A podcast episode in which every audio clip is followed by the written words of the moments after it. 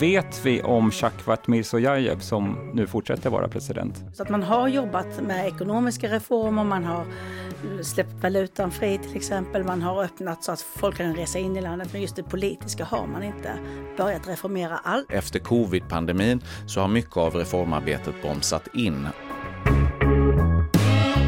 Välkommen till Frihet från förtryck, en podd om demokratiaktivism.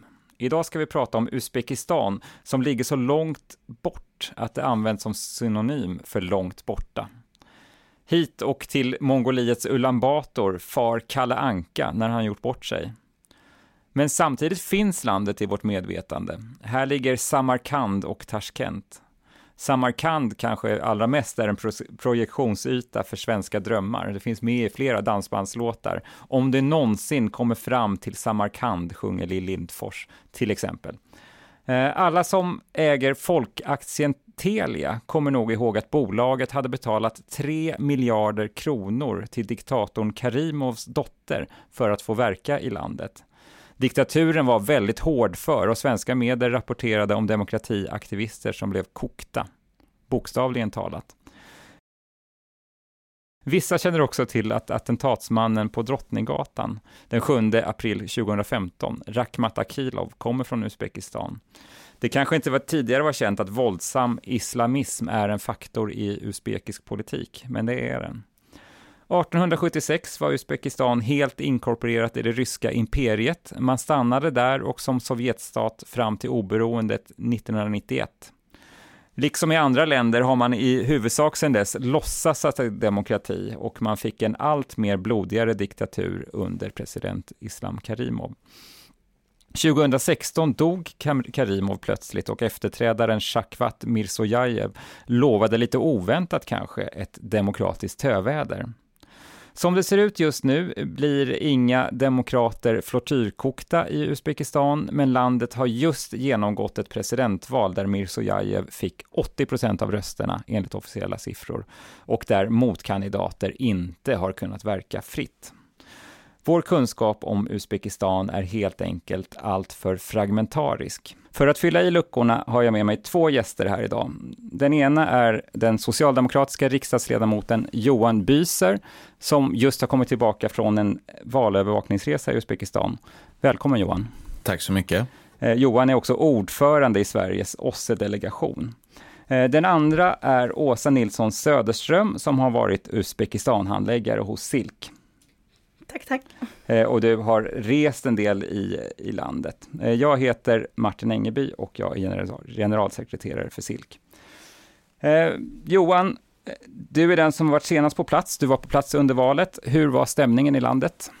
Nej, men stämningen i landet var ju förväntansfull ändå skulle jag säga. Eh, däremot var ju valkampanjen inte särskilt eh, synlig. Den pågick ju fram till den 22 oktober och sen var det dagen innan valet. Då var det en dag av stillhet och sen var det ju själva valdagen den 24. Och det hade pågått valrörelse, men det var ju inte den typen av valrörelse som kanske vi är vana vid här hemma eller i många andra delar av Europa, utan det var en väldigt lugn valrörelse. Det var inte konfrontatoriska debatter på det sättet, utan det var ju fem olika presidentkandidater som ställde upp här då, varav den sittande presidenten åtnjöt ett väldigt stort utrymme i den här valkampanjen då. Och genom att använda administrativa resurser, statliga medier och så vidare. Exakt, och det var också någonting som våra långtidsobservatörer för, för oss eh, uppmärksammade som också finns med i utvärderingen att man använder just statliga medel för att föra ut eh, också presidentvals eller presidentkandidatskampanjen då så att säga.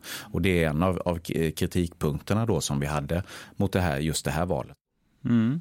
Eh, Åsa Nilsson, du har ju jobbat rätt länge med landet. Vad vet vi om Shakvat Mirzojajev som nu fortsätter vara president? Ja, han tog ju över efter att Karimov dog och eh, tog faktiskt över på ett sätt som inte var i enlighet med konstitutionen men ändå hade han eh, på något sätt en politisk majoritet bakom sig i alla fall.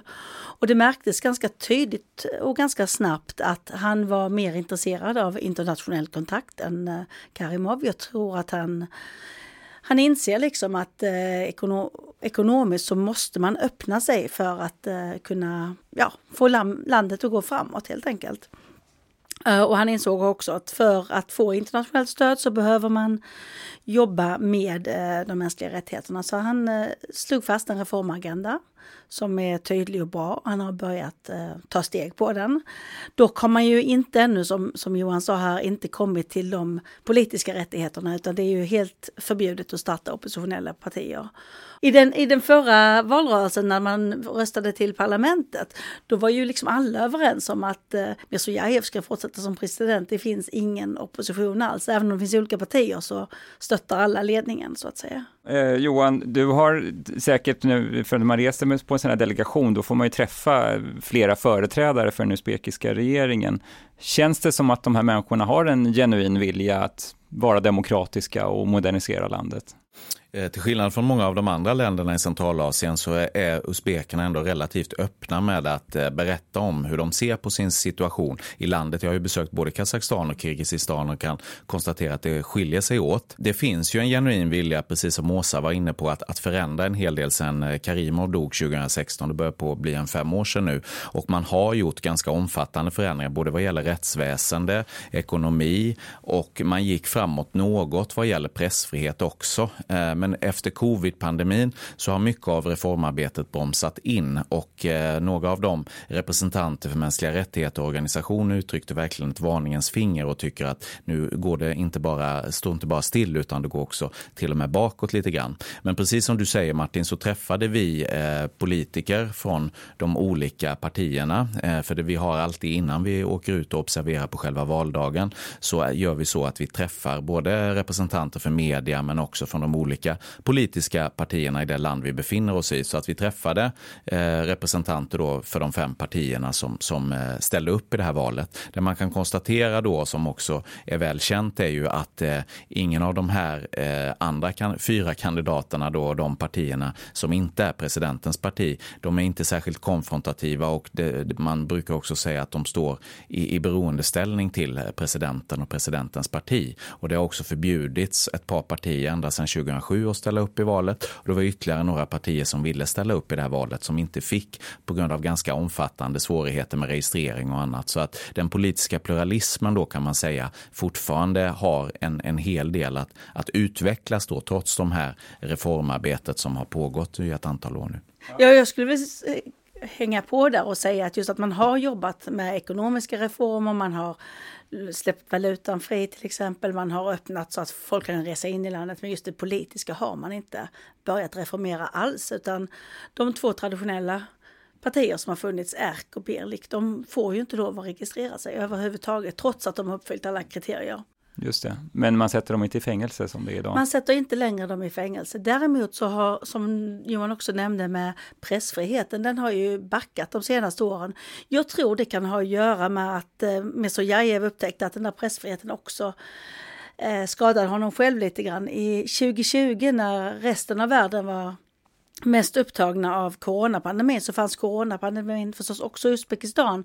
Men det som var ännu värre där var att en stor damm bräcktes och vattnet flödade ut och många människor dog och städer dränktes. Det visade sig sen att det var, den var ganska nybyggd och den var byggd av en släkting till Mirzojajev som hade fått kontraktet på konstigt sätt. Så att eh, han märkte väl att eh, pressfrihet kan slå bakåt. Ja, precis.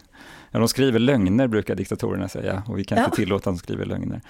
Åsa, vi var inne på i inledningen här att, att, att religionen är en viktig faktor i Uzbekistan, som vi kanske inte varit medvetna om tidigare. Hur märker man på, när man är i Uzbekistan, att det finns, liksom, att det finns mycket, att religionen är en faktor i samhällslivet?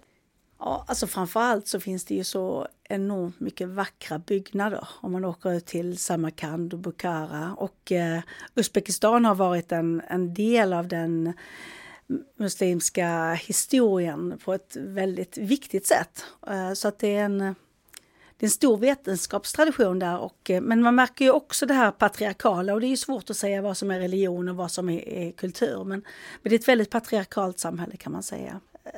Karimov var ju väldigt, väldigt rädd för islamisterna och det fanns speciellt i regionen Namangan ganska stark islamistisk rörelse som försökte ta över 91 och, och även i början på 2000-talet.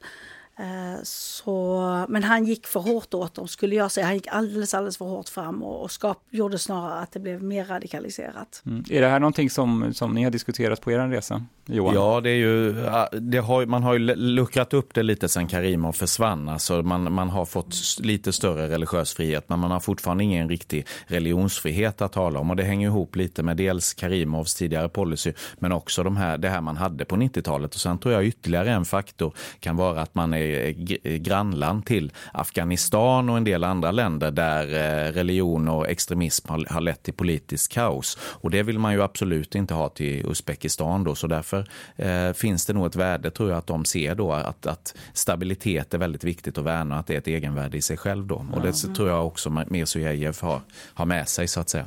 Ja, när jag var själv i Kirgizistan så var det roligt, jag satt på ett möte och de började citera Lenin eh, sådär helt eh, bara så som taget ur luften. Så att jag undrar, är det så att i Uzbekistan då, att egentligen så har man fortfarande, alltså om man ska säga att de har någon form av ideologi, de som styr, är det egentligen då en sovjetisk ideologi som, som man fortfarande har kvar?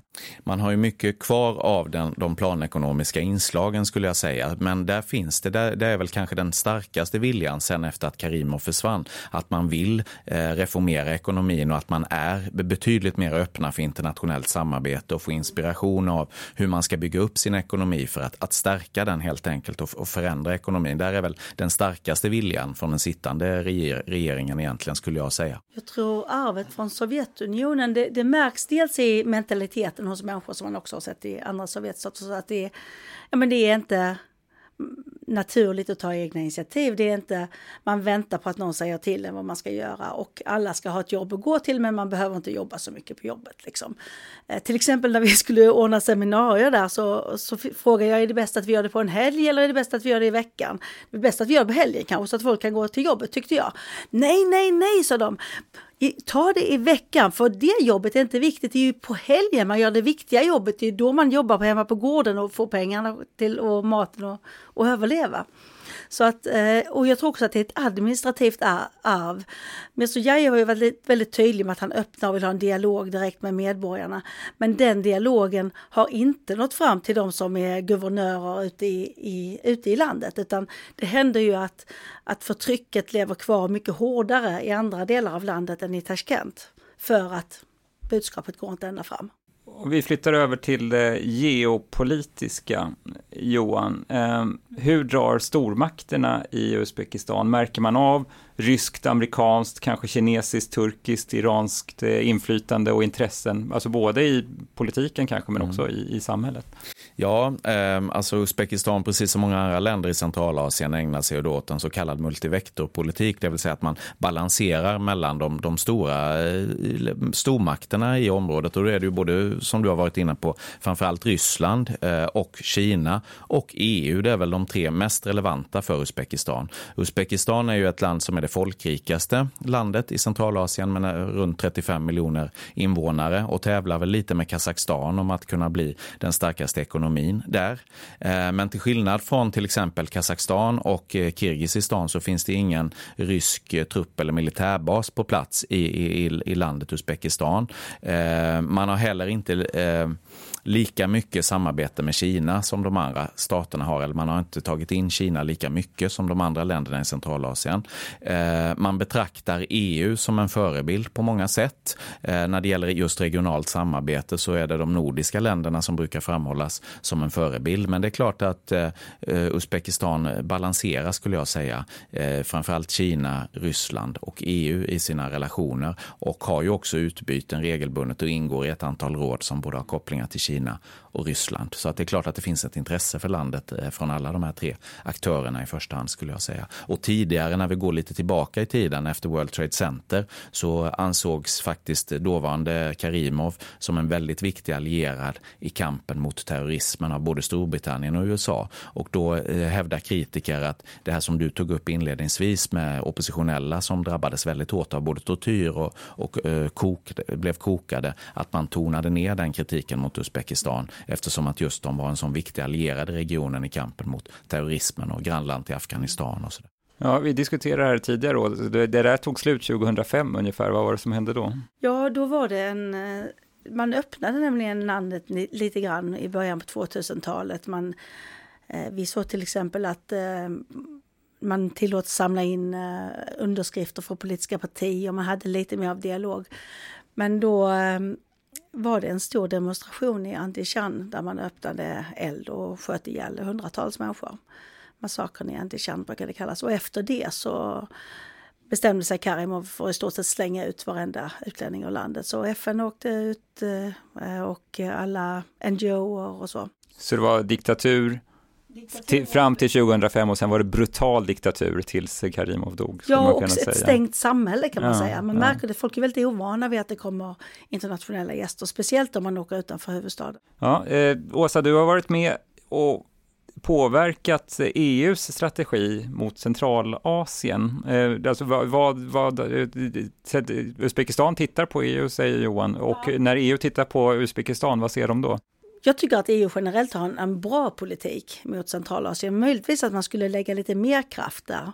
Och sen så tycker jag att EU behöver skärpa upp sin eh, civilsamhällespolitik. Man pratar väldigt ofta om att man vill stötta civilsamhället men samtidigt så går man i diktatorernas ledband och accepterar att bara samarbeta med gongos. Alltså organisationer som inte är självständiga civilsamhällesorganisationer utan egentligen är en förlängning av regimen. Mm. Eh, Mirzojajev, liksom många andra auktoritära ledare, har byggt upp ett eh, ett parallellt civilsamhälle kan man säga, med organisationer som stöttar honom och som han stöttar ekonomiskt. Ja, det är lite sovjetiskt också att man har ja. stora folkorganisationer som egentligen är en del av staten. Eh, men de som är självständiga organisationer, de tillåts inte verka. Vissa oberoende organisationer har faktiskt blivit erkända, men, men många har inte blivit det för att man eh, har svåra ja, onödiga krav helt enkelt för att de ska få lov att verka, precis som partierna. Ja, jag har, nu vet jag inte, alla lyssnare känner till OSSE, jag har nämnt eh, OSSE flera gånger, men, men eh, Johan, berätta vad OSSE är och eh, varför det är en viktig organisation i de här sammanhangen. OSSE är ju världens största regionala säkerhetsorganisation, består av 57 medlemsstater och det bildades egentligen i, i, för att göra en lång historia kort, i skuggan av kalla kriget kan man säga. Så att det är eh, nordamerikanska staterna, de europeiska staterna, eh, Ryssland och de samtliga tidigare sovjetiska staterna är medlemmar i OSSE och sen finns det ett antal observatörsländer runt omkring. Men det är de, så får ni en bild av ungefär vad de 57 medlemsstaterna är. Och det bildades egentligen för att, att diskutera säkerhetspolitik, att främja avspänning i de, i de här regionerna som var oerhört laddat under kalla kriget. Nu har vi ju sett på senare år, eh, först efter murens fall blev det ju, eh, trodde man kanske att demokratin var på verklig frammarsch och en gång för alla vunnen och att vi gick mot en bättre tid. Men nu ser vi återigen efter under 2010-talet och även in på 2020-talet. Hur världen blir allt mer eh, polariserad, hur stormakter växer fram återigen och hur det politiska samtalet, eh, utrikespolitiska samtalet, säkerhetspolitiska samtalet blir väldigt polariserat, det blir högt tonläge. Och där har ju OSSE en viktig roll i att, att eh, vara en arena för dialog mellan de här 57 medlemsstaterna. Samtidigt så ser vi att vi har både den ryska aggressionen på Krim, vi ser eh, många av medlemsstaterna att demokratin utmanas. Vi ser Polen, Ungern men faktiskt också vad som hände i USA förra året med, med stormningen av kongressen och eh, även andra auktoritära partier och krafter som stärker sig runt om i oss-regionen. Så det saknas ju inte utmaningar. Nej, men, men det som jag tror många i det allmänna medvetandet känner till FN och EU, men OSSE är också en stor organisation som har kontor i, i väldigt många länder ja. och liksom har program och projekt och, och ja. så vidare. Så att, det som jag tycker är, är speciellt med oss är det också att det, det, är ett av få ställen som jag uppfattar det som man kan ha en mer, meningsfull dialog med Ryssland. Eh, där de faktiskt tycker att det är meningsfullt att föra samtal med andra länder. Jag vet inte om du Jo, Instämmer men, i den bilden? Jo, men så är det ju. Och, och där har, har ju Sverige har det, det ordförandeskapet just nu i OSSE, så det leds ju av utrikesminister Ann Linde för närvarande. Hon har ju prioriterat att resa runt i regionen och det är ju en möjlighet till dialog, framförallt österut skulle jag säga, så är väldigt viktigt för, också för Sveriges roll då i OSSE. Och OSSE organiserar sig dels i ett kontor i Wien där man har huvudkontoret, men sen finns det också en parlamentarisk församling inom OSSE och det är ju där vi riksdagsledamöter kommer in och varje medlemsland har en en parlamentarisk eh, delegation kan man säga och det är den svenska OSSE-delegationen som jag leder. Och vi träffar ju också eh, Ryssland på konferenser ungefär tre gånger om året och alla medlemsstater samlas där, där vi har möjlighet att lägga resolutioner och föra just den här dialogen som du efterfrågade. Men sen träffas ju också utrikesministrarna inom OSSE regelbundet och eh, man har också omfattande missioner och kontakter länderna emellan. Så där, därigenom får ju OSSE en, en viktig roll för samtal och kontaktutbyte på de, de, de olika politiska nivåerna. Eh, Åsa, Sverige avvecklade biståndet i Centralasien på 00-talet. Borde Sverige egentligen vara kvar och göra, bedriva mer biståndsverksamhet eh, i Centralasien? Ja, det tycker jag verkligen. Och speciellt i Uzbekistan, det är ju hjärtat i Centralasien. Det är här de flesta människor bor. Det finns en stor potential att utveckla ekonomiskt. Så att om vi kan stötta Eh, Eh, de demokratiska krafterna i Uzbekistan så kan vi göra stor skillnad. Det är också så att Uzbekistan är ett av de få länderna i världen som faktiskt har gått framåt i demokratisk riktning. Eh, även om det var från en väldigt låg nivå så har man ändå gått åt rätt håll de senaste fem åren. Så om, som biståndsgivare är det ju mycket lättare att stötta en pågående trend och jag tror att vi kan få bra resultat genom att öka biståndet till Uzbekistan. Det finns ett möjlighetsfönster helt enkelt. Precis. Ja. Vad säger du Johan? Ja, men jag delar det och eh, som vi var inne på innan så ser vi att eh, demokratiutmaningarna, mänskliga rättigheterna är otroligt stora inom väldigt många av OSSEs 57 medlemsländer. Men Uzbekistan är ju precis som Åsa sa ett av de länder där vi på senare år ändå har sett framgångar, framsteg. Man reformerar ekonomin, rättsväsendet, polisen, man, man jobbar mot att av, eh, avskaffa barnarbetet, eh, tortyren eh, har eh, sittande president uttalat väldigt starkt att man måste göra sig av med och man har även släppt ett stort antal politiska fångar. Så att det har ändå funnits eh, ljus, eh, ljuspunkter i ett land som har, eh, har varit otroligt auktoritärt och fortfarande lider av den här auktoritära inriktningen. Mm. En slutfråga. Åsa, är du hoppfull? Det är, alltså det är ju väldigt mörkt i världen när det gäller demokrati.